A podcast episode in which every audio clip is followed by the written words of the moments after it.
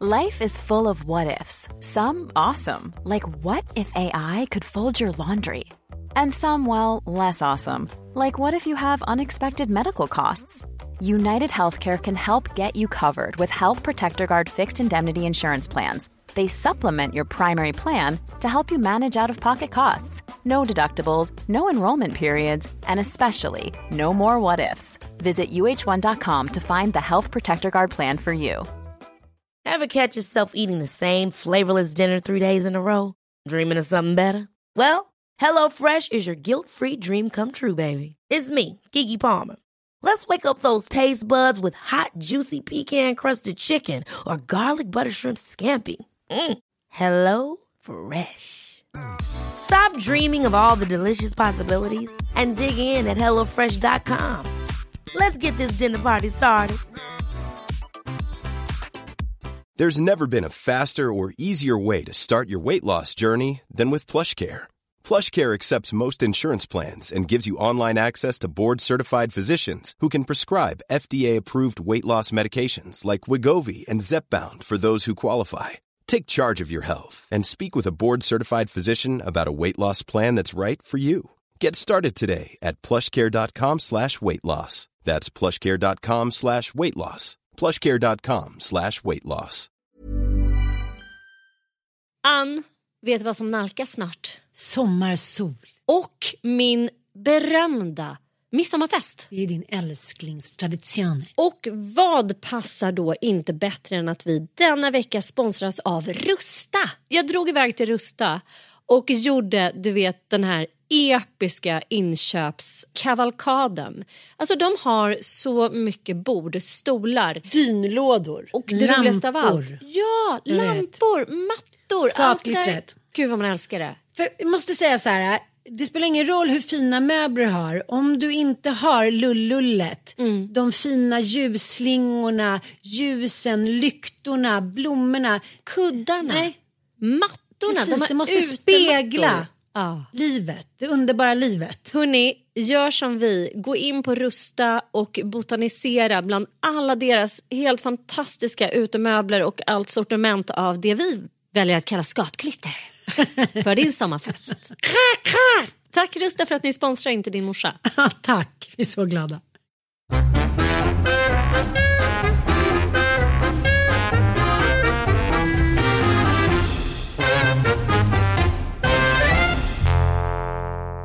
Ni är så välkomna till Inte din morsa Goes tonårsparlören. Woohoo! Det här är en podd som jag och Sanna gör i samarbete med IQ. Och du har jobbat med IQ innan så du kan väl berätta lite? IQ är ett dotterbolag till Systembolaget som arbetar för en smartare syn på alkohol. Och nu gör vi den här specialpodden med anledning av att tonårsparlören firar 20 år. Tonårsparlören, det är en liten bok som ni som är tonårsföräldrar har fått hemskickad till er.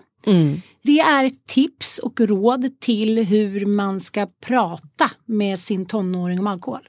Och den är inte minst så faktaspäckad. Och eh, den är så välskriven den här boken och den har en sån otroligt tycker jag, viktig funktion för alla som är föräldrar för att det florerar så många olika typer av föräldrastilar just när det kommer till alkohol.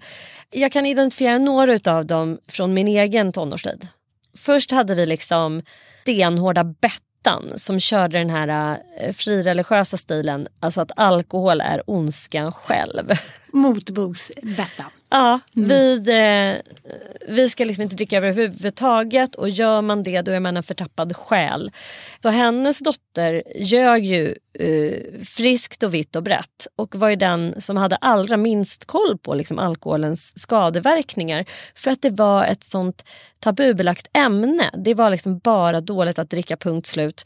Så det fanns ingen diskussion, det fanns inget öppet samtal om eh, varför alkohol var, var dåligt eller farligt. Utan det vart ju bara en, liksom nästan ännu mer lockande för Såklart. eh, henne. Lex godisförbudet. Exakt. Det enda man tänker på så här, nu ska jag ett års tid inte äta godis. Det enda man tänker på är godis. Så den metoden funkade ju inte särskilt bra. Sen hade jag ju även en polare vars morsa var liksom rosé-Tessan kan vi kalla henne för. Det vill säga som gärna ville vara vår kompis, gärna ta ett roséglas med oss. Hon var väldigt inbjudande och eh, ville inget hellre än att vi skulle växa upp och vara hennes små eh, miniväninnor. Och vi älskade ju hennes approach till alkohol. Hon var inte sen med att köpa ut. Hon var inte sen med att bjuda oss på ett glas där hemma med eh, argumentet det är mycket bättre att jag vet vad, vad ni dricker än att ni får liksom något hembränt där hemma. Var det här en bra föräldrastil? Vi säger nej. Svar nej. Vi tyckte ju det då men då var vi mm. också 14 år gamla. Och jag kan säga att det hjälpte inte till för att vi skulle få en sundare inställning till alkohol utan det enda det gjorde var att vi drack mer när vi så att säga började våra helger mm. hemma hos eh, Rosétessan. Precis och vi mm. har ju, eh, eller vi föreläser ju och har föreläst en del med en professor som heter Fred Nyberg.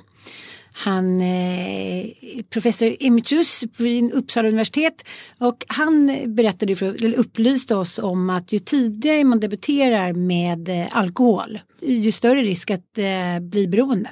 Utveckla beroende ja. ja. Och det säger vi inte då bara för att man ska säga pekpinnefingret uppe men det är beforskat. För att återgå till typerna. det fanns en tredje typ. Kan kalla henne för mamma Barbro-typen. Okej då gör vi det. Eller AK Södlund-typen. ja. Men när jag läser tonårsparlören så tycker jag faktiskt att min mamma hade en väldigt, väldigt sund inställning till sitt föräldraskap när vi var just tonåringar.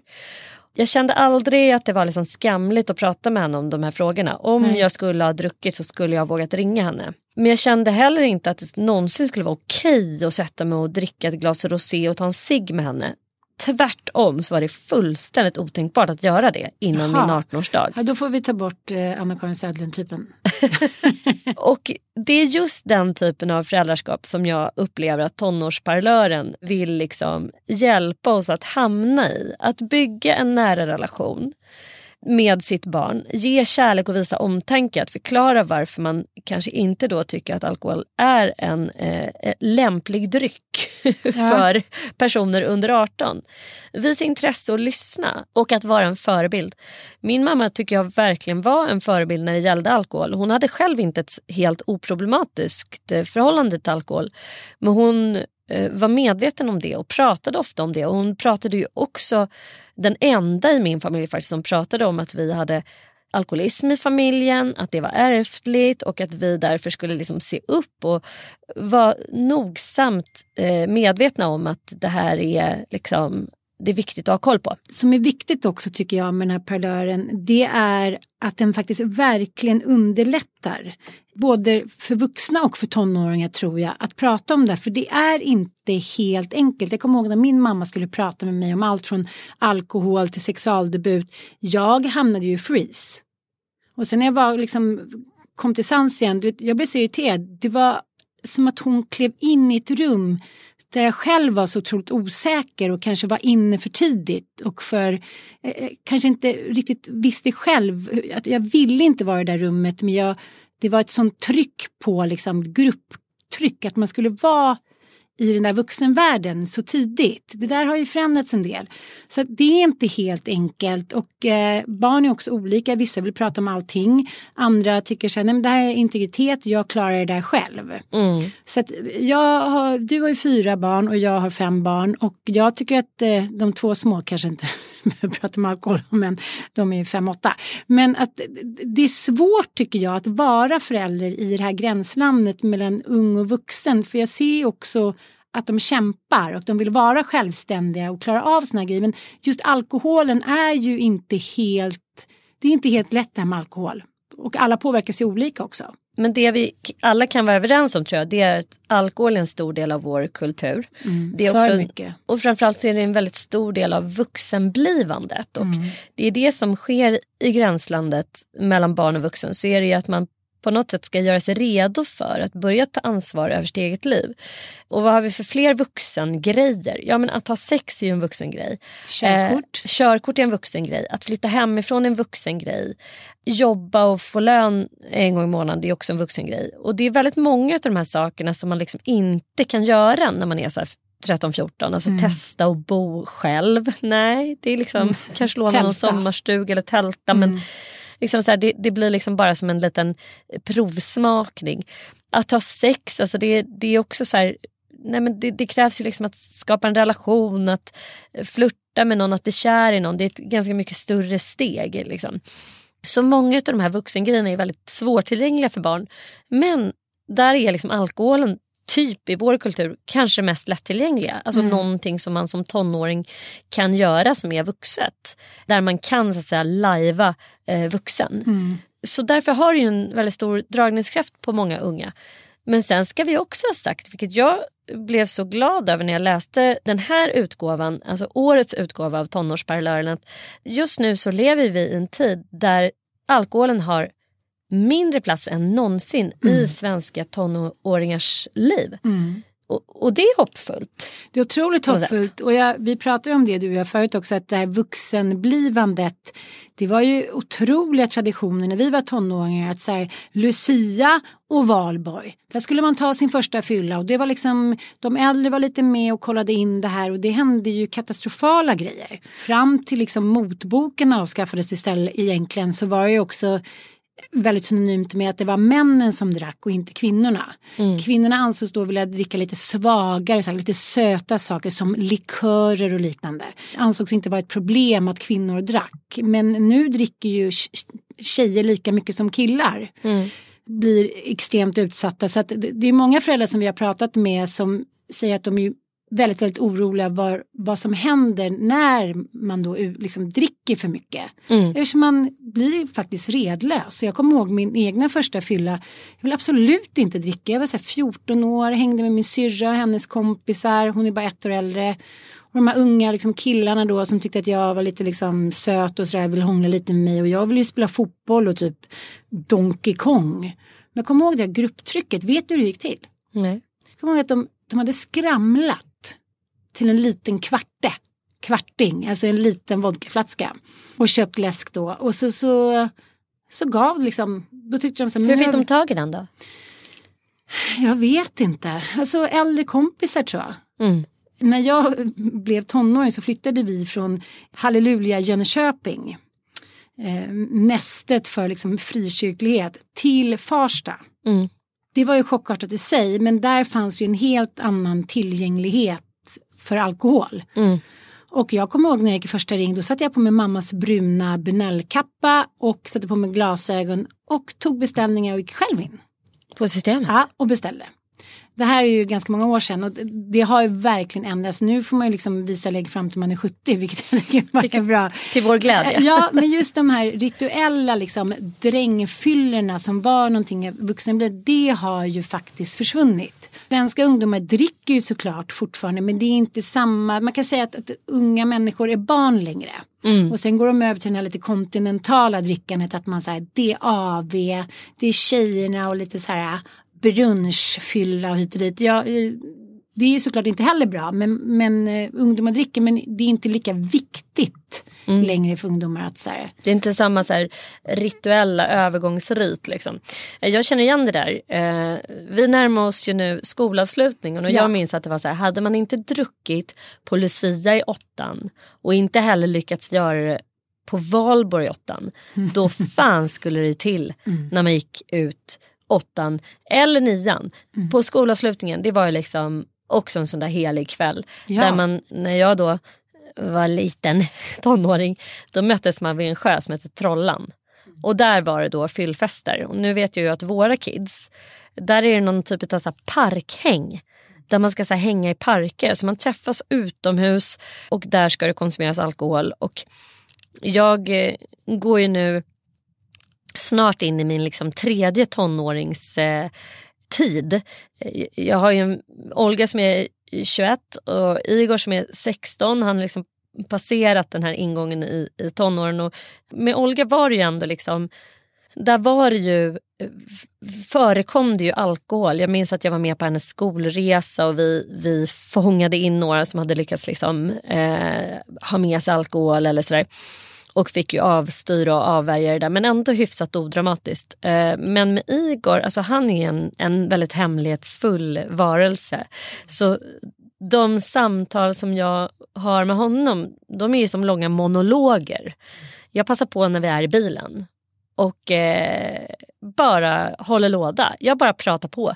Eh, för han är inte så, så, sugen på att prata om det här. Inget eh, svar. Men nej, inget svar. Du matar in Jag det. matar info och det jag matar eh, som jag tycker är så förnämligt i kapitel i tonårsparlören. Det är liksom att faktiskt kunna komma med riktiga argument. Det finns ett helt kapitel eh, som heter Varför är alkohol farligt för unga? Mm. Därför att det räcker liksom inte för dessa moderna tonåringar att bara säga att nej du får inte dricka utan det här är kritiskt tänkande, fostrade av svenskt skolväsende, ungdomar som har mycket bättre koll än vad vi tror. Så jag vill gärna kunna komma med argument. Men varför får jag inte dricka när vuxna människor dricker hela tiden? Mm. Unga tar mer skada av alkohol. Alkohol skadar hjärnan oavsett ålder, det vet man. Men eftersom hjärnan utvecklas ända upp till 25-årsåldern så är den mycket känsligare hos unga. Och redan små mängder alkohol ger sämre omdöme, minne och reaktionsförmåga. Även kroppsstorleken spelar roll. Alltså en liten kropp innehåller ju mindre vätska att späda ut alkoholen med vilket gör att det går snabbare att bli berusad. Och herregud vad jag fick erfara det som eh, så här, 43 kilos 14-åring. Man brukar säga, åh gud det är billigt vad du, du blir full på en fingerborg. Ja det fanns ju någonting i det. Alltså det var livsfarligt för mig att bli bjuden på en drink till exempel. Jag minns eh, med förskräckelse en häxa där någon hade blandat i läkarsprit. En förälder som hade då läkarsprit tillgängligt. Jag minns inte av vilket skäl. Men det här var ju första och faktiskt enda gången som jag eh, kände så här, det här, nu, är, nu är det här farligt. Att jag kände att det här är ett tillstånd som är livsfarligt för mig eh, att vara i. Gudskelov fick jag hjälp av eh, en eh, kompis eh, mamma som var sjuksköterska. Så det gick bra den gången. Men det är liksom farligt när man är sådär liten. Man har ingen aning om vad det är man får i sig och den här typen av alkohol då som också många ungdomar handlar på olika typ så här ja, mer eller mindre illegala sätt. Man vet ju faktiskt inte vad det är i de flaskorna. Det kan vara hembränt, det kan vara just outspädd läkarsprit. Det är super, super farligt. Det är också mycket svårare att bedöma konsekvenser. Alltså, ungdomar har ju ofta ett inre driv att utforska och lite större risktagande eh, och sämre konsekvensanalys, vilket är naturligt. Men eh, det är ju förödande i kombination med alkohol. Alltså man får ännu sämre konsekvenstänk och ännu sämre förmåga att bedöma risker. Eh, och dessutom kan man ju då få sämre självkänsla. Inte nog med att kroppen utvecklas för fullt i tonåren så har ju personligheten liksom genomgår ju en metamorfos. Och dricker man då för att våga saker så säger det sig själv att det är sjukt lätt att hamna mm. i en ond cirkel. Där man mm. kanske känner att man måste dricka för att bli den där oblyga, vågade personen som kanske vågar ta kontakt med liksom eh, tjejer eller ja, killar beroende på vad man är intresserad av. Och jag tänker också den nya eh, statistiken som kom för bara några månader sedan att unga tjejer i Sverige mår sämre än någonsin och då kan man ju säga kombinationen att må psykiskt dåligt och dricka alkohol är ju ingen bra kombo. Mm. Säger sig självt. Man blir ju verkligen utsatt som tjej också om vi ska dra eh, könskortet. Eh, för just när man blir sådär onykter, så dels omdömet men dels så kan man ju faktiskt inte försvara sig. När man inte kan försvara sig utan är liksom näst, nästintill medvetslös då är man ju Ja då är man såklart extremt sårbar mm. för ja, både sexuellt utnyttjande, det kan ju vara våld också. Våld, mm. precis. Uh, men jag tycker det är så intressant för att det har ju skett, liksom en, jag tycker bara på våra tonåringar så känns det inte alls lika balt att dricka. Alltså vi tyckte verkligen att det var tufft. Man skulle bli av med oskulden. Man skulle säga första fyllan, liksom, rallafylla och hit och dit. Det var liksom så otroligt mycket rituellt och vuxenblivande där. Så känner inte jag alls med mina ungdomar. Jag tycker inte det pratas om alkohol som att det vore något ballt överhuvudtaget. Nej, och det är ju på ett sätt tycker jag underbart. Och man pratar ju om att det eventuellt då är så att vi har en förändrad ungdomskultur. Eh, eftersom det har skett en så stadig minskning av ungdomsdrickande de här senaste två decennierna både i Sverige och i andra länder också. Men eh, ja, det är ju eh, faktiskt så också att ungdomar som inte dricker alkohol har det bättre på väldigt många olika områden har forskning visat. Jämfört med ungdomar som dricker alkohol. Uh, ungdomar som inte dricker upplever sig själva att de mår bättre. De har ofta högre betyg och de har färre både fysiska och psykiska besvär. Mm. Och jag tror att i de bästa världar så är det väl så att ungdomar märker det. Och det mm. tycker jag mig ha hört framförallt min äldsta dotter, att hon kan resonera kring att så här, men jag blir inget bra när jag druckit alkohol, jag klarar inte av att vara bakis. Nu, nu är hon vuxen och får dricka men jag tycker hon resonerar extremt moget om jag jämför med hur jag själv resonerade i den men åldern. Gud ja, och vi var ju spelade bowling häromdagen när Dante fyllde 16 och då var ju två av äldre kusinerna med. De är ju båda 19 och ingen av dem drack. Mm. Och eh, den ena sa, ja, men jag blir inget bra av det, jag mår inget bra. Och eh, den andra, Mr X, han var så här, nej jag, det, jag vill inte det, jag vill liksom ha kontrollen, jag vill köra bilen. Och, så det hade ju nästan varit otänkbart när vi var liksom 19. Folk hade varit så här, åh gud vad du är töntigt och dit. Och då tycker jag det är intressant för i tonårsparlören så står det så här, men om det är nu en ändrad attityd, varför dricker då tonåringar? Mm. Och det pratade jag med min blivande 18-åring om, för att han, de dricker ju på fester såklart, men han tycker verkligen inte att det är gott. Mm. Och då sa jag det, ja men om du inte dricker, måste du dricka då? Kan du inte ta med en cider eller liksom lite, och då återkommer vi till det där att eh, det verkar vara liksom en naturlig del av livet. Mm. För att alla andra gör ju liksom. Och jag menar, ta i Sverige, jag tycker vi har en otroligt romantiserad blick på alkohol. Nästan i alla filmer, alla tv-serier, vare sig det handlar om så här, Stjärnorna på slottet eller att man liksom matlagningsserier eller bara dagliga såpoperor. Det är väldigt ofta att man ser att det är alkohol inblandat. Och det pratade vi också första, förra året på Stjärna på slottet så erbjöd de då alkoholfri dryck. Mm. Det vart väl ramaskri kan jag tänka mig. Nej, men det, jag menar att det är verkligen en naturlig del och, och liksom, speciellt i många familjer också att man dricker vin och liksom, på ett helt annat medelhavs sätt idag än vad våra föräldrar gjorde. Men jag tänker där ungdomar kanske mest konsumerar liksom blicken på alkohol det är väl i sociala medier. Mm jag, jag vill inte förfasas över någonting men det är klart att det är jättemånga influencers som är sponsrade av olika alkoholmärken och det ser man ju tydligt i deras flöden att det är olika drinkar till bruncher, ett glas vin, solnedgången. Det är väldigt mycket så produktplacering med alkohol i eh, liksom unga influencers innehåll. Ja, och det är gud, klart att ungdomar påverkas av det. Ja, i varenda och bild. Alla har sina liksom... egna. Nu var det idag var det någon ny sångerska eh, som hade någon ny eh, liksom, bubbel som hon skulle lansera. Mm. Det framstår ju som så här varenda känd människa måste, man måste liksom ha en prosecco för att vara någon. ja. Och jag tänker, jag pratar lite också med, eh, med, ja, med mina söner och de pratar ju en del om, som det också står i, i den här tonårsparlören, de här dubbla budskapen. Att jaha, men ni har ju middagar och det är midsommar, vi åker utomlands och det ska vara så himla roligt det här med alkohol. Mm. Men ändå förväntar ni er oss att vi ska klara av det.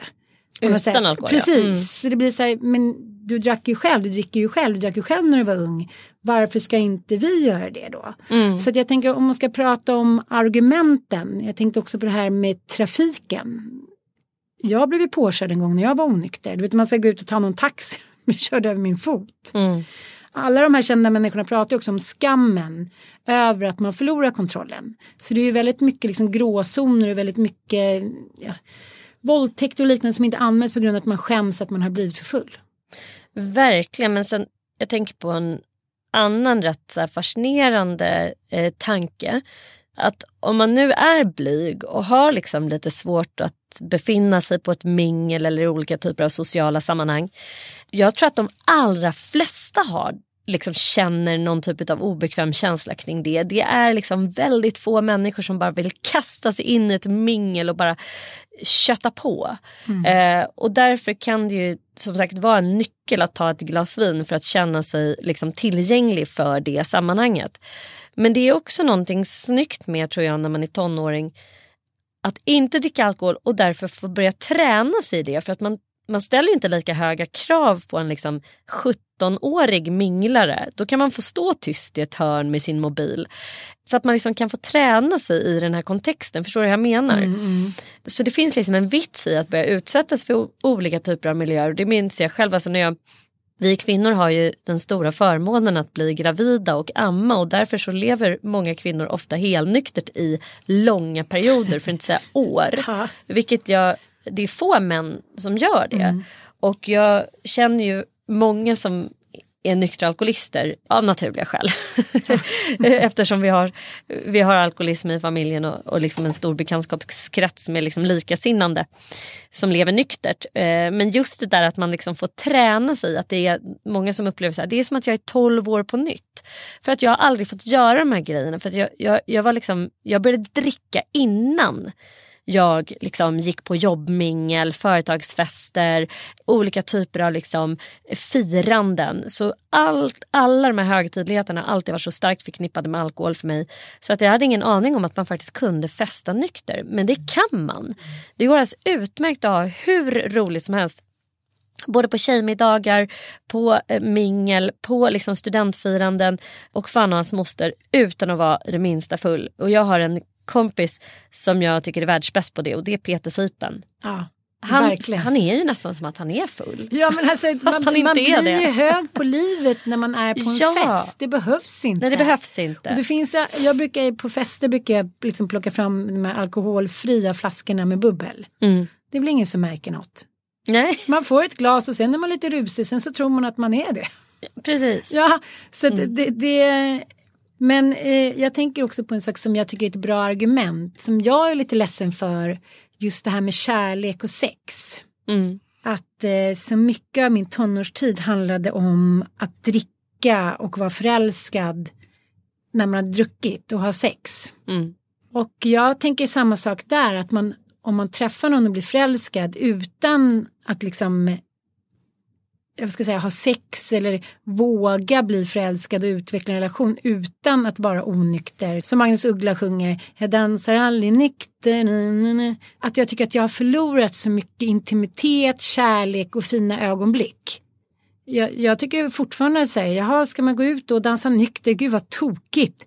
Men det är ju bara första stapplande stegen för att jag är så invand i att allt som har med fest och liksom dejter och så här, då ska det vara alkohol med. Varför då? Mm. Det finaste är ju att eh, liksom, ha sex eller hångla eller lära känna någon helt nykter. Mm. Då kan man snacka om så här true love. Mm. Så det tycker jag är ett superbra argument att inte vara full när man blir kär. En annan grej som jag gillar starkt med tonårsparlören det är att de har riktiga sådana hands-on kapitel. Mm. Typ om tonåringen kommer hem full. Det är rubriken på ett kapitel. Vad gör man då? Ja, men vad gör man? vad, vad skulle du göra? Du, du har ju ändå varit med om det här. Alltså, det finns ju, eh, precis som att det fanns olika mammor eh, i vår uppväxt så finns det också olika eh, föräldrar, liksom hur man reagerar.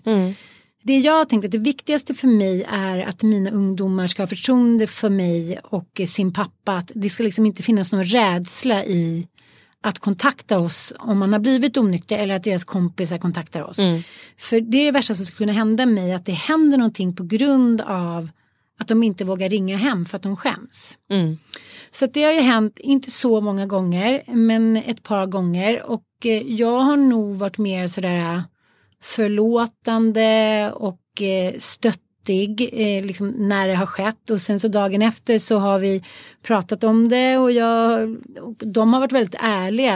En av mina söner var så här, men jag, jag fattade liksom inte att, att, att, att man kunde bli så full bara på några shottar hattar. Han var så besviken på sig själv för det var ju massa snygga tjejer där. Och liksom, han hade tagit de där fyra vodkahuttarna och sen så hade han legat på toaletten och spytt. Han var ju mer förbannad, gud vad klantigt.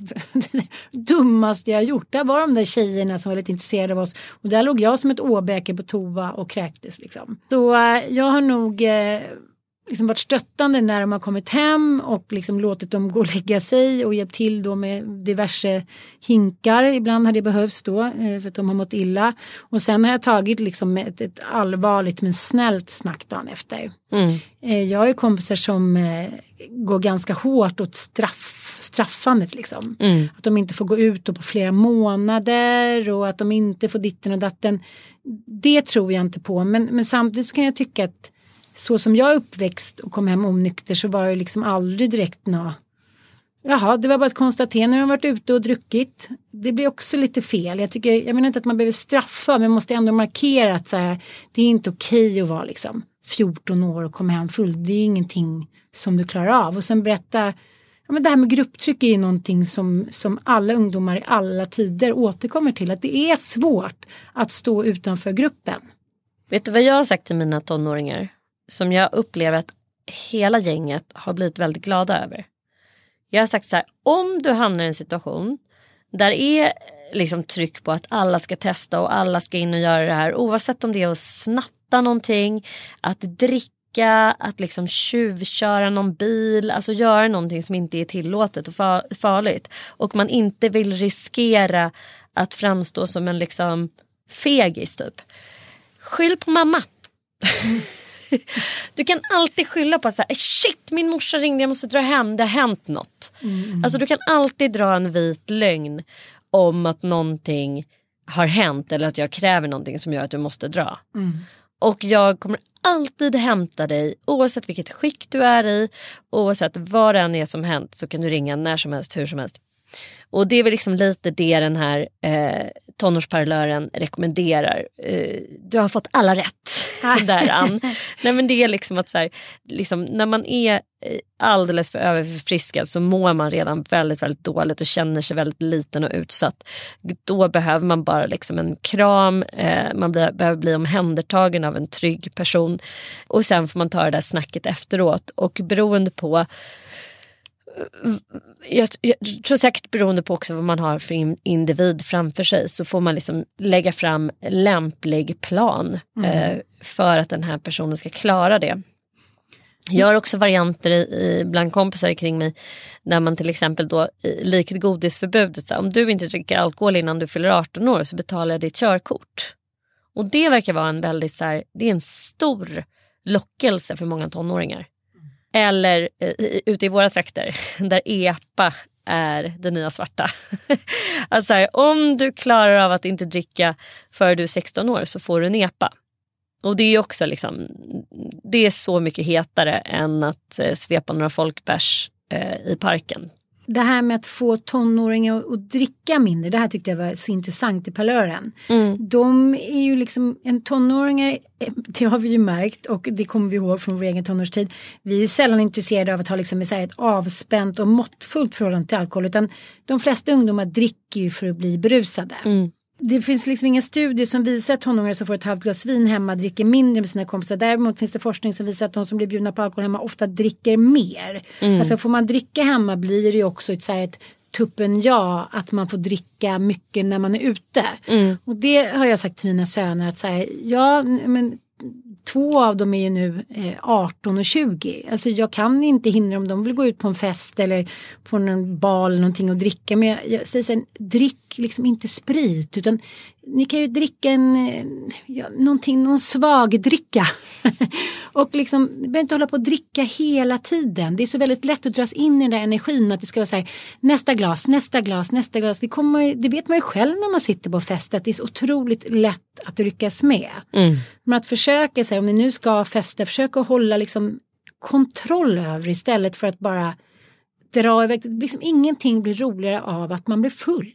Och eh, min 18-åring berättade om sin tjej som kom hem, har kommit hem onykter några gånger från fester och han säger hur kul tror du att det är för mig när du kommer och kryper ner i sängen och somnar liksom. Så att det, känns ändå tycker jag hoppfullt att det finns en ny generation eh, killar som liksom är lite så som Tjejer kanske har tagit rollen under många år. Så, ja, nu kommer han hem och är onykter. Usch, han ligger och snarkar och stinker.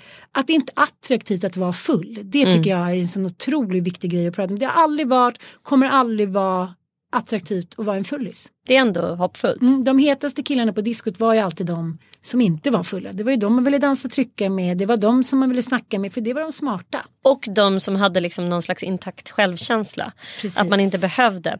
Men du, eh, ja. avslutningsvis så vill jag ändå bara eh, hylla eh, tonårsparlören också för dess eh, eh enorma då, eh, glasklara eh, blick på liksom risktillfällen där man kan liksom vara lite extra uppmärksam eh, som förälder. Och resor är till exempel en rubrik. I andra länder så är ju alkohol mer eller mindre då lagligt från yngre ålder. Och herregud vad jag och mina kompisar tog, utnyttjade det faktumet. Vi ville ju inget hellre än att åka till Tyskland, Frankrike. Alltså vi kollade ju länder när vi skulle tågluffa för att kunna inmundiga så mycket alkohol som möjligt. Mm. Vi eh, styrde med järnhand vår skolresa som vi skulle göra i slutet av nian till ett europeiskt land för att vi där skulle kunna få dricka alkohol. För där var det lagligt att dricka alkohol när man var över 15. Mm. Österrike åkte vi till. Nej, men Fjäll, vi var liksom besatta. Alpensemestrarna? Ja, men Minns typ ingenting? Nej. Nej, kul. Och det här är ju väldigt vanligt. Det här är ju eh, liksom kunskap som sprids tonåringar emellan. Och dessutom så är ju vuxna människor som är på semester ofta överförfriskade. Alltså alkohol är en så stor del av semesterfirande och resandet. Och eh, all inclusive hotell, det, där är det ju liksom bara öppna kranen både för bärs, drinkar och vin. Och eh, tonåringar, alltså barn över 15 år är ofta då inkluderade i att dricka på det här sättet. Ingen säger stopp och många resor är också särskilt arrangerade för att passa festsugna ungdomar. Jag vet du de här galna... Klubb alltså, 33. Klubb 33, Grabbarna Grouse, ja. alltså vad heter de? Grabbarna Grus, grus på Mallis. Ja. Mm. Alltså, så här, helt galna sådana så här mm. festgator där det bara handlar om eh, fulla tonåringar som ska dricka så mycket som möjligt. Helt galet. Så där kan man ju säga så här, nej eh, det blir ingen sån resa. Ska ni resa får ni resa med oss. Språkresor är också en sån vanlig liksom så här, arena för ungdomar att eh, alkoholdebutera och att själva då liksom... Men nu har de blivit mycket, mycket strängare. Den ungdom som ertappas med droger skickas hem på egen bekostnad utan att få pengarna tillbaka. Och det minns jag när min dotter åkte på språkresa. Att det var eh, otroligt strängt med både alkohol och narkotika. Totalt förbud. Och så var det inte på vår tid. Nej, det var det Nej. Utan det var liksom själva anledningen till att man ville ja, åka ja. på språkresa. Men, men eh, så var det inte. Så det här är liksom en riskfaktor. Och sen har vi ju då festivalerna. Mm. Oj, oj, oj vad jag vill åka till Roskildefestivalen. Inte så mycket för att se band utan mest för att festa. För där var det också då lägre ålder i eh, Danmark. Jag tror det var 16 på bärs och vin.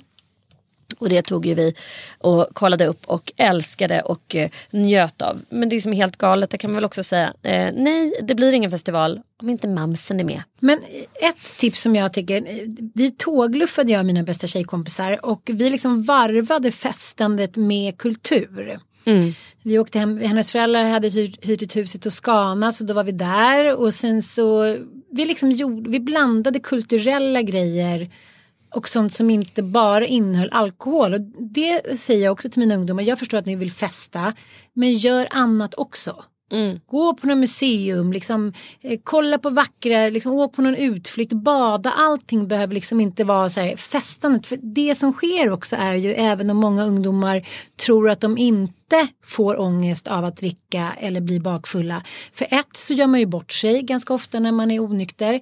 Två, man kanske säger saker som man liksom vare sig kommer ihåg eller menar. Och tre så är det ju kemiskt att även unga människor mår jäkligt dåligt. Mm. Så det handlar ju också om ett mående, att om man inte dricker eller inte dricker så mycket så mår man både fysiskt och psykiskt mycket bättre. Och eh, mina killar tränar ju mycket. Och mm. det är liksom devastating att vara bakis. om man ska liksom, bygga muskler eller spela liksom, 90 minuter långa fotbollsmatcher. Ja, det där var då klartecknet, en liten vignett för frågestunden. Vi har ju, jag och Sanna på våra Insta-stories bett om era frågor hur man ska bete sig nu inför skolavslutningar med ungdomar och alkohol. Och Sanna, du har fått en fråga, shoot. Ja, men jag har fått eh, från en eh, mickisar som är orolig över sin dotter. Hon skriver så här. Jag tycker att min dotters kompisar inte är bra för henne. De driver varandra till att dricka på ett osunt sätt och det verkar vara det enda som är intressant för dem. Ska jag byta skola eller inte? Frågetecken. Alltså jag tänker så här. Skulle jag säga till min dotter eh, när hon gick i nian att du måste byta skola för att ni eh, dricker för mycket. Då skulle hon bli skitförbannad på mig och tycka att jag liksom, eh, gjorde ett alldeles för stort ingrepp i hennes liv. Däremot så tänker jag att så här, när det bara är alkohol som är intressant Eh, då tänker jag att vad finns det liksom för annan dragningskraft på de här ungdomarna? Kan man locka dem att göra någonting annat där vuxna personer är med? För jag kan uppleva det som att eh, många tonåringar lever liksom som en så parallell verklighet där de på något sätt så inte tror att man kan ha kul med vuxna.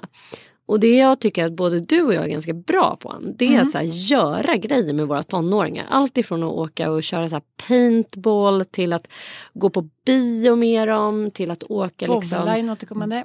Bovla gillar vi att göra. Nej men att så här, försöka. Och go-kart är en ny favorit också. Vi reser också ja. mycket med dem. Ta det här gänget med de här då eh, tjejerna som bara verkar ha ögonen för alkohol just nu och försöka göra andra grejer med dem. Alltså där man själv är med, saker som är lustfyllda, som är roliga. Eh, det är mitt tips. och Sanna. Ja, ja. Nej, men det är ett super... Jag hade ju liksom faktiskt också lite det som en sån morot och min, min exman hade ju det som också piska. Att så här, om du dricker alkohol då får du inte ha häst. Det, det, var inte min, han, han körde den föräldrastilen. Men jag körde ju mer så här, åh älskling det är tävling klockan 6.30 på lördag så du kan inte gå ut på fredag.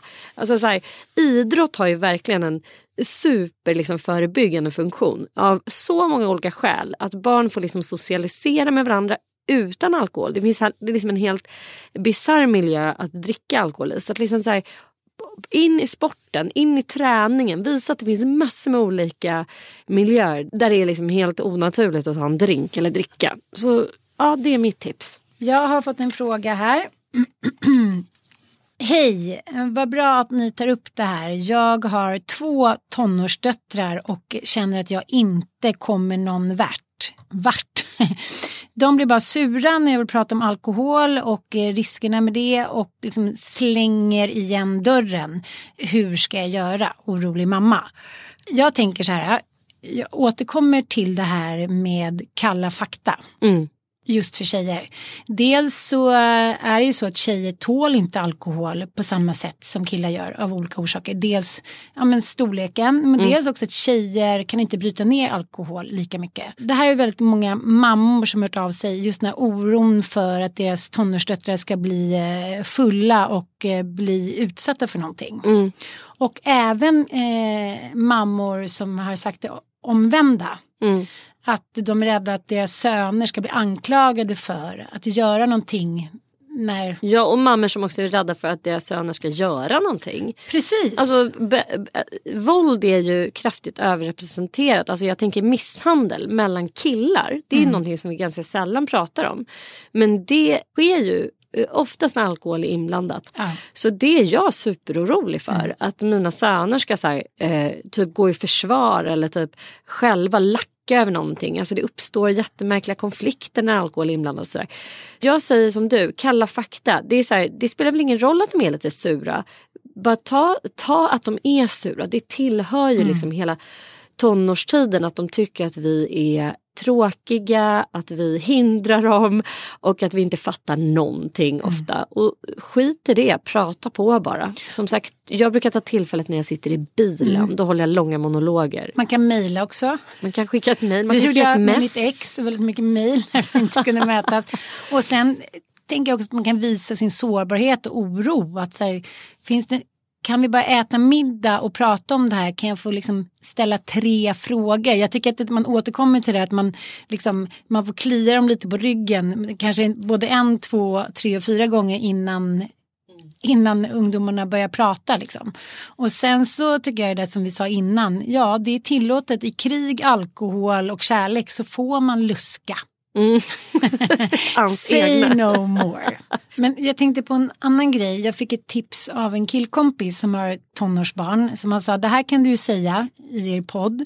Han sa så här, jag har sagt till mina söner eh, att eh, vad gör en bra kille? Liksom? En bra kille eh, liksom, ser om sin flock, man ser till att liksom, ingen blir för onykter, man tar hand om dem som liksom, eh, kanske blir det då. Att man kanske prata med barn om att säga ni måste ta ansvar för varandra. Lämna mm. inte någon. Och sen så som han säger att jag går ju ut med liksom andra föräldrar i vårt gäng i de här områdena där vi vet att de håller till. Och det kommer man ihåg själv när man liksom var ung. Hur pinsamt det var när pappa kom cyklande i sin toppluva. eh, ner till första centrum där vi stod och hängde och smygrökte och drack för att jag hade sagt att jag skulle sova hos min kompis. Och han skulle egentligen hämta min syrra. Så det var ju bara att hoppa upp på den där gamla crescenten och liksom skämmas ja, men ihjäl. Att jag mm. inte bara ramlade ner på fläcken. Men samtidigt när jag väl kom hem, jag var inte sur eller arg. Jag var nog ändå ganska nöjd över att han hade kommit dit och visat liksom, att han var en trygg vuxen som visade vägen och mm. som inte blev liksom rädd. Och det här är, ungdomar har ju ett liksom, temperament och de är väldigt bra på att manipulera och liksom få en att framstå som att man är liksom eh, Annika Hedenhö som är liksom den tråkigaste och dummaste föräldern i hela världen. Ja. och jag har svårt för det. Jag tycker mm. det är mm. jobbigt i den. När, när du vill liksom... vara cool mamma. Ja. Du vill inte vara en, vad kallar de dem för? Karen. Har du hört det uttrycket? Nej. Det är så roligt. Mina söner eh, de hänvisar ofta till det uttrycket. Var inte en Karen-morsa. Vad, vad, menar ni med det? Så här, nej men det är när man är så här förbjudande, uppstyrd, struckad. Det är en, det är en liksom amerikansk typ av mamma. Jag vet inte exakt var det här uttrycket kommer ifrån men det är vitt spritt i mina eh, söners bekantskapskrets. Att man ska liksom inte vara en Karen-morsa. Man ska vara skön, man ska vara tillåtande, man ska vara accepterande, man ska inte bry sig. Man ska inte begränsa skärmtid, man ska inte förbjuda, man ska inte hålla på med liksom sådana så konsekvenser och så. Nähe, okay. Så du vill då allt annat än att vara en Karen? Aha, men då, då, är, då är jag en strängare Karen. Ja. Ah. Nej, jag tänker också att det är ett ganska bra sätt att, att starta en, en, liksom en WhatsApp-grupp med andra föräldrar i samma område eller liksom med Så barn smart i samma klass. Mm. Shit, där kan man få fram grejer. Och ett annat tips är ju eh, nästan alla mina kompisar har ju eh, sån här GPS-tracking. GPS-tracking på sina ungdomar. Ja. Och det kanske man kan eh, åberopa då vid sådana speciella tillfällen där man är extra orolig att jag skulle verkligen vilja se var du håller hus ikväll. Mm. Det kanske kan vara en ganska fin liksom. Eh, jag tror inte ens mina tonåringar skulle tycka att det var konstigt. Alltså man har ju den här hitta iPhone och sånt. Mm. Jag tror till och med att jag skulle redan kunna då GPS-tracka dem eftersom det är knutet till vårt jo, gemensamma konto. Så. Men det kanske kan vara en liksom, ja. gå halva vägen var. Om jag ser var du är och liksom om mm. jag känner mig så vet jag hela kvällen att du inte är kanske Jag tycker också att det kan vara en god idé som sagt att så här, samtala med era eh, tonåringars kompisars föräldrar. Och jag tycker inte att alla ska ha liksom samma regler och samma föräldrastil och sådär. Men det kan vara bra att veta hur andra resonerar. Och mm. är det så att man har kompisar, eh, kompisars föräldrar som till exempel bjuder eller liksom eh, lever med den gamla liksom vanföreställningen att det här skulle vara någonting som är bra för att det då gör att de skulle dricka mindre. Då kan man ju faktiskt använda samma eh, argument som finns i tonårsparlören även på de här föräldrarna tycker jag. Man ska inte vara rädd för det. Så ja, det är några tips. Mm. Men som avslutning skulle jag faktiskt vilja ta upp det här med att säga nej när ens ungdomar frågar om man ska köpa ut. Ja, för där visar ju forskningen ett rungande stort nej. Jag har, en av mina söner har frågat några gånger och eh, han argumenterar då att det är väl bättre det än att vi, de gamla argumenten än att, så här, att vi ska liksom sno hemifrån eller att köpa vi, fulsprit av någon langare eller ja. gå till någon som, som på vår tid. Det vi gjorde, gud jag skäms när jag tänker på det här men det här var så här, det här var vårt sätt att eh, köpa alkohol.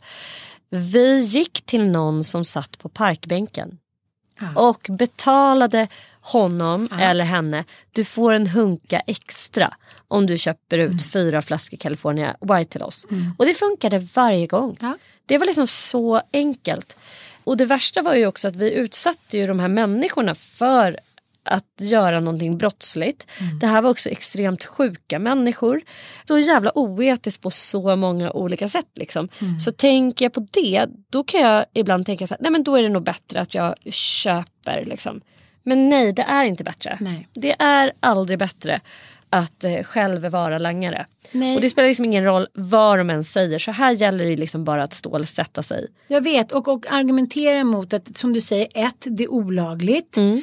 Två, jag vill inte vara din langare för det är som att säga okej okay till att jag tycker att du ska dricka fast du är minderårig. Mm. Ju tidigare du alkoholdebuterar ju större risk att du med. Nu har ju vi alkoholism i familjen också precis som ni har men det har ju inte alla och sen känner jag också så här men herregud, sen är det också så att som förälder är du en förebild. Det är mm. bara så det är.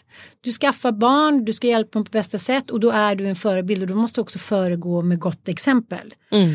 Och sen så är det argumentet som, som också återkommande, alla andra, alla andra får det, alla andras föräldrar gör det. Nej, så är det inte. Det är mm. inte liksom alla föräldrar som köper ut. Och sen tycker jag vi återkommer till det där att alla såklart ungdomar är olika och att man som förälder tror att man har sån koll på vad ens ungdomar gör. Det är som du och jag med våra liksom 16-åringar. Vi säger men de skulle aldrig göra någonting och nej det tror jag absolut inte. Ungdomar ska få ha ett hemligt liv. Det är mm. det som är hela tjusningen med ungdomar. Där, därför har jag som en liten surprise nu pratat med min numera vuxna dotter Olga.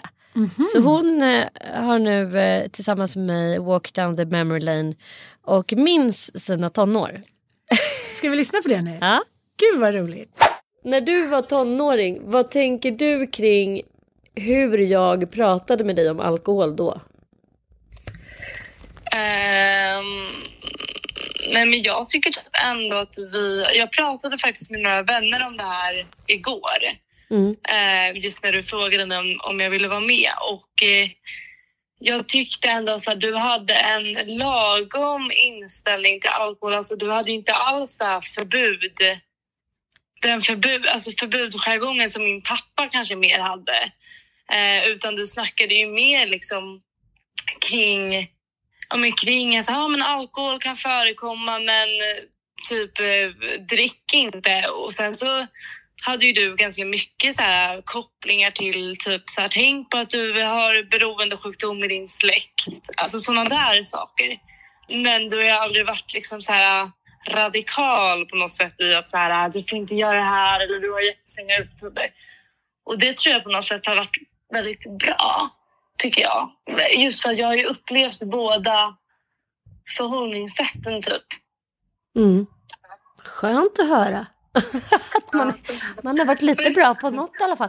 Men jag undrar också, vad tror, alltså om man är för sträng då, för jag kan känna igen det där också, att jag hade ju liksom, min pappa, han var ju liksom på den tiden tyckte vi att det var toppen för han kunde till och med köpa ut och han var så här helt frihet under ansvar och liksom vi hade typ inga förbud överhuvudtaget. Jag, jag vet att jag både kunde röka och dricka i stort sett fritt liksom.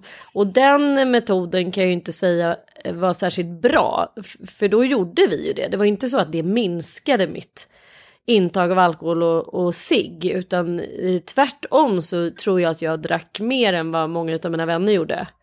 Så, så det har jag kommit fram till att det är inte den vettigaste modellen av eh, fostran då. på något sätt. Men, det beror säkert, men om man är för, liksom stenhårt förbjudande, vad tror du? Vad gör man då liksom? Alltså vad händer då? Rent krasst så blir man ju jäkligt, alltså när man är i den åldern så blir man ju jävligt eh, arg tror jag på att man kanske inte får eh, dels den tilltron för att det blir så extremt så här, du ska inte göra det här typ. Det tror jag leder till att man får nästan en lite sån trotskänsla. eh, i kroppen och typ vill göra det ännu mer. Om det nu är till exempel alkohol eller, eller rökning. Eh, så det tror jag nästan kan ha motsatt effekt. Om man, om man är sådär benhård liksom. Jag tänker också att det kan man kanske börjar typ ljuga mer. Alltså jag vet ju att min mamma under en period var ju supersträng. Och jag hade ju tidigare utetider än alla andra och sånt där. Och det enda, jag håller med, det var någon slags så här, jag, jag tyckte att det var, alltså jag blev ju ganska fientligt inställd mot henne men jag tyckte också att hon var, ja men jag började ju bara ljuga då. Det är inte så svårt alltså, att komma undan liksom. Vi alla har väl säkert kört tricket att man typ är så här Ja, men jag minns typ att min pappa kunde vara så här, ah, du ska säga exakt vilken adress du är på eh, och så här, ge telefonnumret till den som har festen typ och sådana där grejer. Och det var ju urenkelt att bara ge en polares telefonnummer liksom. Eller liksom, man kan komma undan det på så många, många olika sätt liksom. Mm. Um, men sen så tänkte jag på det att så här, det som jag tror egentligen gör att man kanske håller sig borta från alkohol i den åldern, det är ju att man eh, har väldigt eh, engagerade föräldrar liksom, som typ eh, ser till att man gör andra saker än att typ eh, vara ute och ränna. Liksom. Eh, och eh, alltså det var jätte... Men faktiskt. Eh, det var jättetydligt för mig eh, eftersom att jag har haft liksom, två olika umgängeskretsar kan man säga. Där jag har haft en umgängeskrets som har varit lite mer om en unge som kanske inte hade jättebra föräldrar liksom, som hade koll på dem. Och sen så har jag å andra sidan då haft en kompisgrupp med väldigt engagerade föräldrar. Eh, mm. Eh, och där kan jag tydligt se liksom, ett mönster. Att de som hade... Ja, men typ min, en av mina bästa kompisar under högstadiet hade liksom en pappa som var superalkad liksom, och eh, inte riktigt kunde ta hand om henne. Det är klart att hon gjorde busigare saker då. Liksom. Ja. Men du, om man ändå blickar tillbaka på dina tonår. Jag, ty jag tycker ju ändå att du var väldigt beskedlig eller vad man ska säga. Jag kände aldrig någon så här jättestor oro för dig. Vad tänker du själv kring den tiden? Fanns det någonting som vi hade kunnat göra annorlunda för att du skulle ha eh, druckit mindre? Nu tycker jag ju inte det verkar som att du drack så jäkla mycket då, men hade vi kunnat liksom göra någonting annorlunda tror du?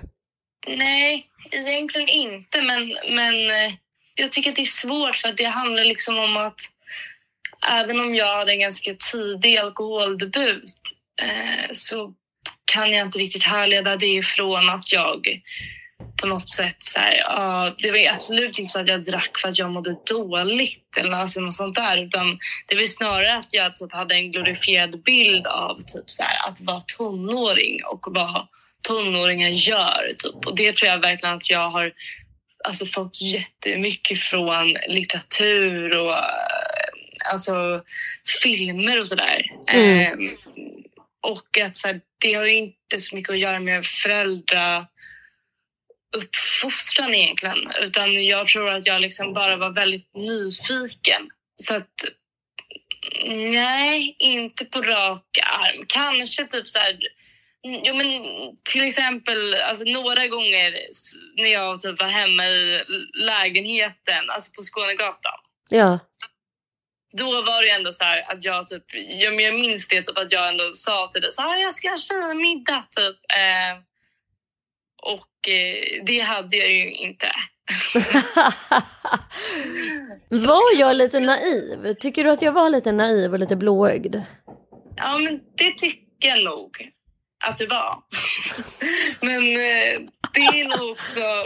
Alltså, jag skulle säga att det är min specialitet att jag har ju liksom sett till att sköta min skolan jävligt bra. Jag har ju skött hästen väldigt bra. Eh, jag har också umgåtts med väldigt så här, rimliga människor så jag förstår också varför du inte har känt att så här, gud, hon håller på med sånt här. Men jag tror att det är därför, eh, ja men typ när du är så här, ah, Igor ska chilla in i stan nu här med någon härlig polare.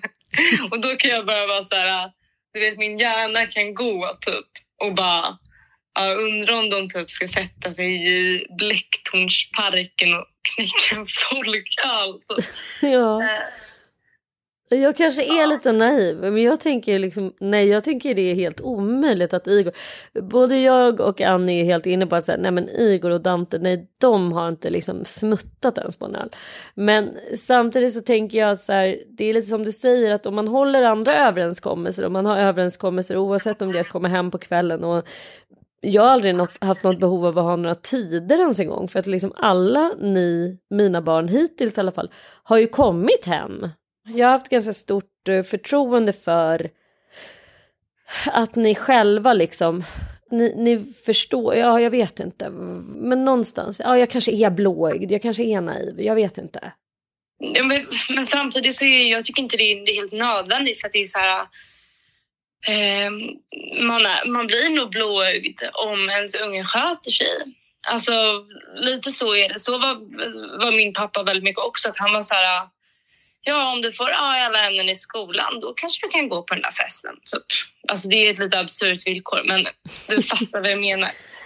Ja, ehm. sköter man alla överenskommelser. Jag ogillar ju hela grejen att man nästan förutsätter att någon ska göra något idiotiskt och därför sätter man en regel eller en, en uh, utetid liksom så här. För jag tänker också så här, ah, du får senast komma hem tio, men det är väl då man blir sugen på att komma hem senare.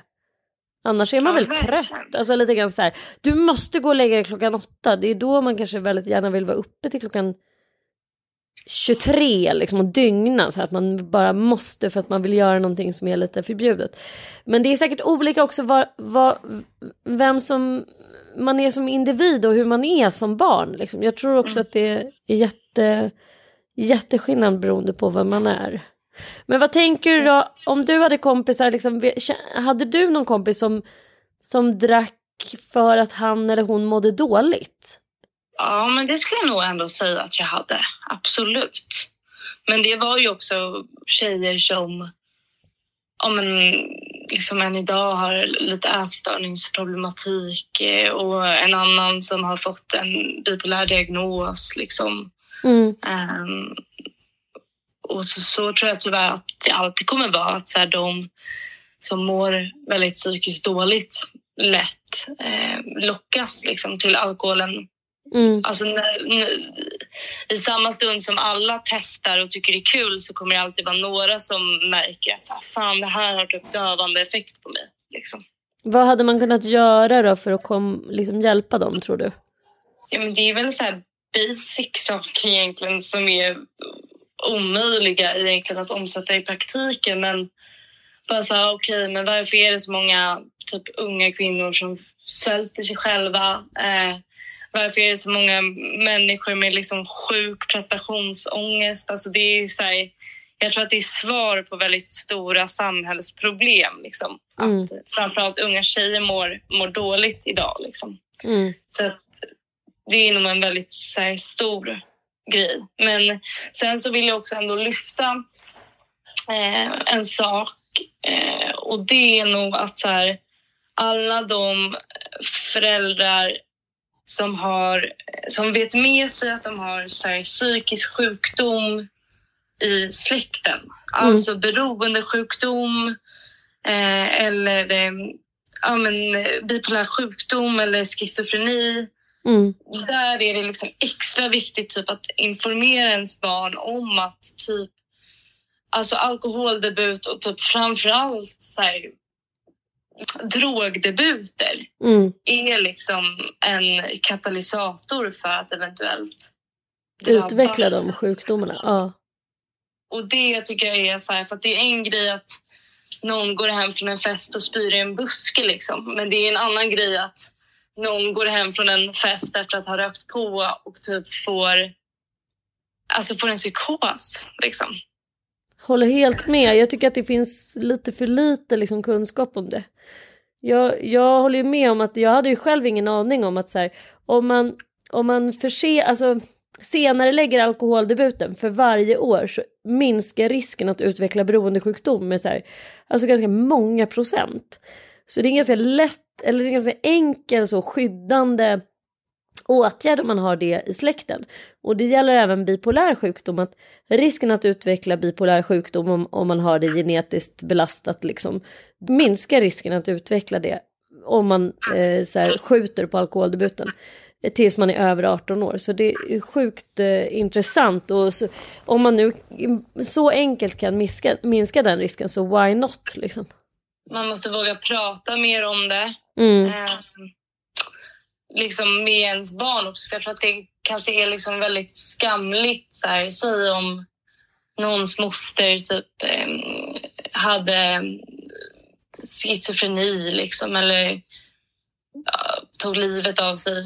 Det är ju ofta tror jag att så här, föräldrar skiter i att berätta om sådana saker och låter det bara vara någon slags skum familjehemlighet. Och där tycker jag också att det är liksom varje barns rättighet att eh, faktiskt få ta del av sin historia för att kunna förebygga sjukdomen eh, hos sig själv. För mm. det går ju, det är ju genetiskt liksom. Ja. Mm. Ja, gud, du är så jävla klok här känner jag. Tack snälla du för att vi fick eh, lyssna på dig och ta av din tentatid. Ja, det var inga fara. Puss och kram, tack för att du var med. Vad tar du med dig som mest minnesvärt från eh, tonårsparlören? Nej, men jag är ju en faktanörd. Jag älskar att ha argument. För det är så himla mycket enklare att kunna föra ett, så här, ett bra samtal med sina tonåringar. Att inte bara komma med gissningar eller påståenden eller bara så här, komma med ett förbud. Riva det, av det lite. Typ. Ja, ja, men så här, nej, du får bara inte det jag avskydde det själv när jag, var, mm. när jag var tonåring. Det var så förminskande att en vuxen bara skulle så här, langa fram en regel och så fanns det liksom inga argument till varför man skulle följa den där regeln. Då ville jag liksom ingenting annat än att bara bryta den. Så så fort det kommer efterföljande argument då är jag beredd att bara, aha okej okay, då kan jag överväga saken. Så att, eh, jag älskar att den är så full av fakta och så konkreta tips. För att när man står där med skägget i brevlådan och bara oj shit nu blev jag ägd. Nej nej det blev du inte. Titta bara i tonårsparlören så så kommer du få liksom en vän att hålla i handen. Gå till tonårsparlören.se. Där kan du läsa hela boken. Eller så kan du ta del av den som ljudbok och hitta mer spännande material från IQ. Det är inget lätt ämne det här med alkohol, Sanna. Nej, verkligen inte. Men det känns som att vi är på rätt väg. Tack för att ni lyssnade. Tack och lycka till nu.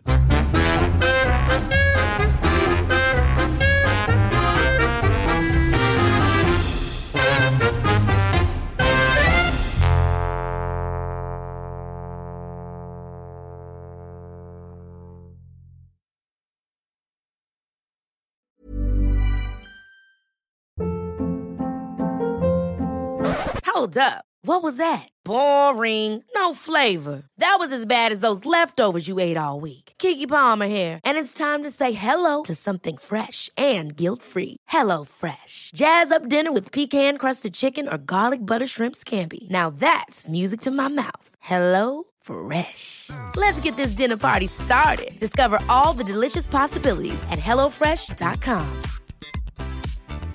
Hi, I'm Daniel, founder of Pretty Litter. Did you know cats tend to hide symptoms of sickness and pain? I learned this the hard way after losing my cat, Gingy. So I created Pretty Litter, a health monitoring litter that helps detect early signs of illness by changing colors, saving you money and potentially your cat's life. Pretty Litter is veterinarian developed, and it's the easiest way to keep tabs on your fur baby's health right at home. Go to prettylitter.com and use code ACAST for 20% off your first order and a free cat toy. Terms and conditions apply. See site for details. Imagine the softest sheets you've ever felt. Now imagine them getting even softer over time. That's what you'll feel with Bowl and Branch's organic cotton sheets. In a recent customer survey, 96% replied that Bowl and Branch sheets get softer with every wash. Start getting your best night's sleep in these sheets that get softer and softer for years to come. Try their sheets with a 30-night guarantee. Plus, get 15% off your first order at bowlandbranch.com. Code BUTTERY. Exclusions apply. See site for details.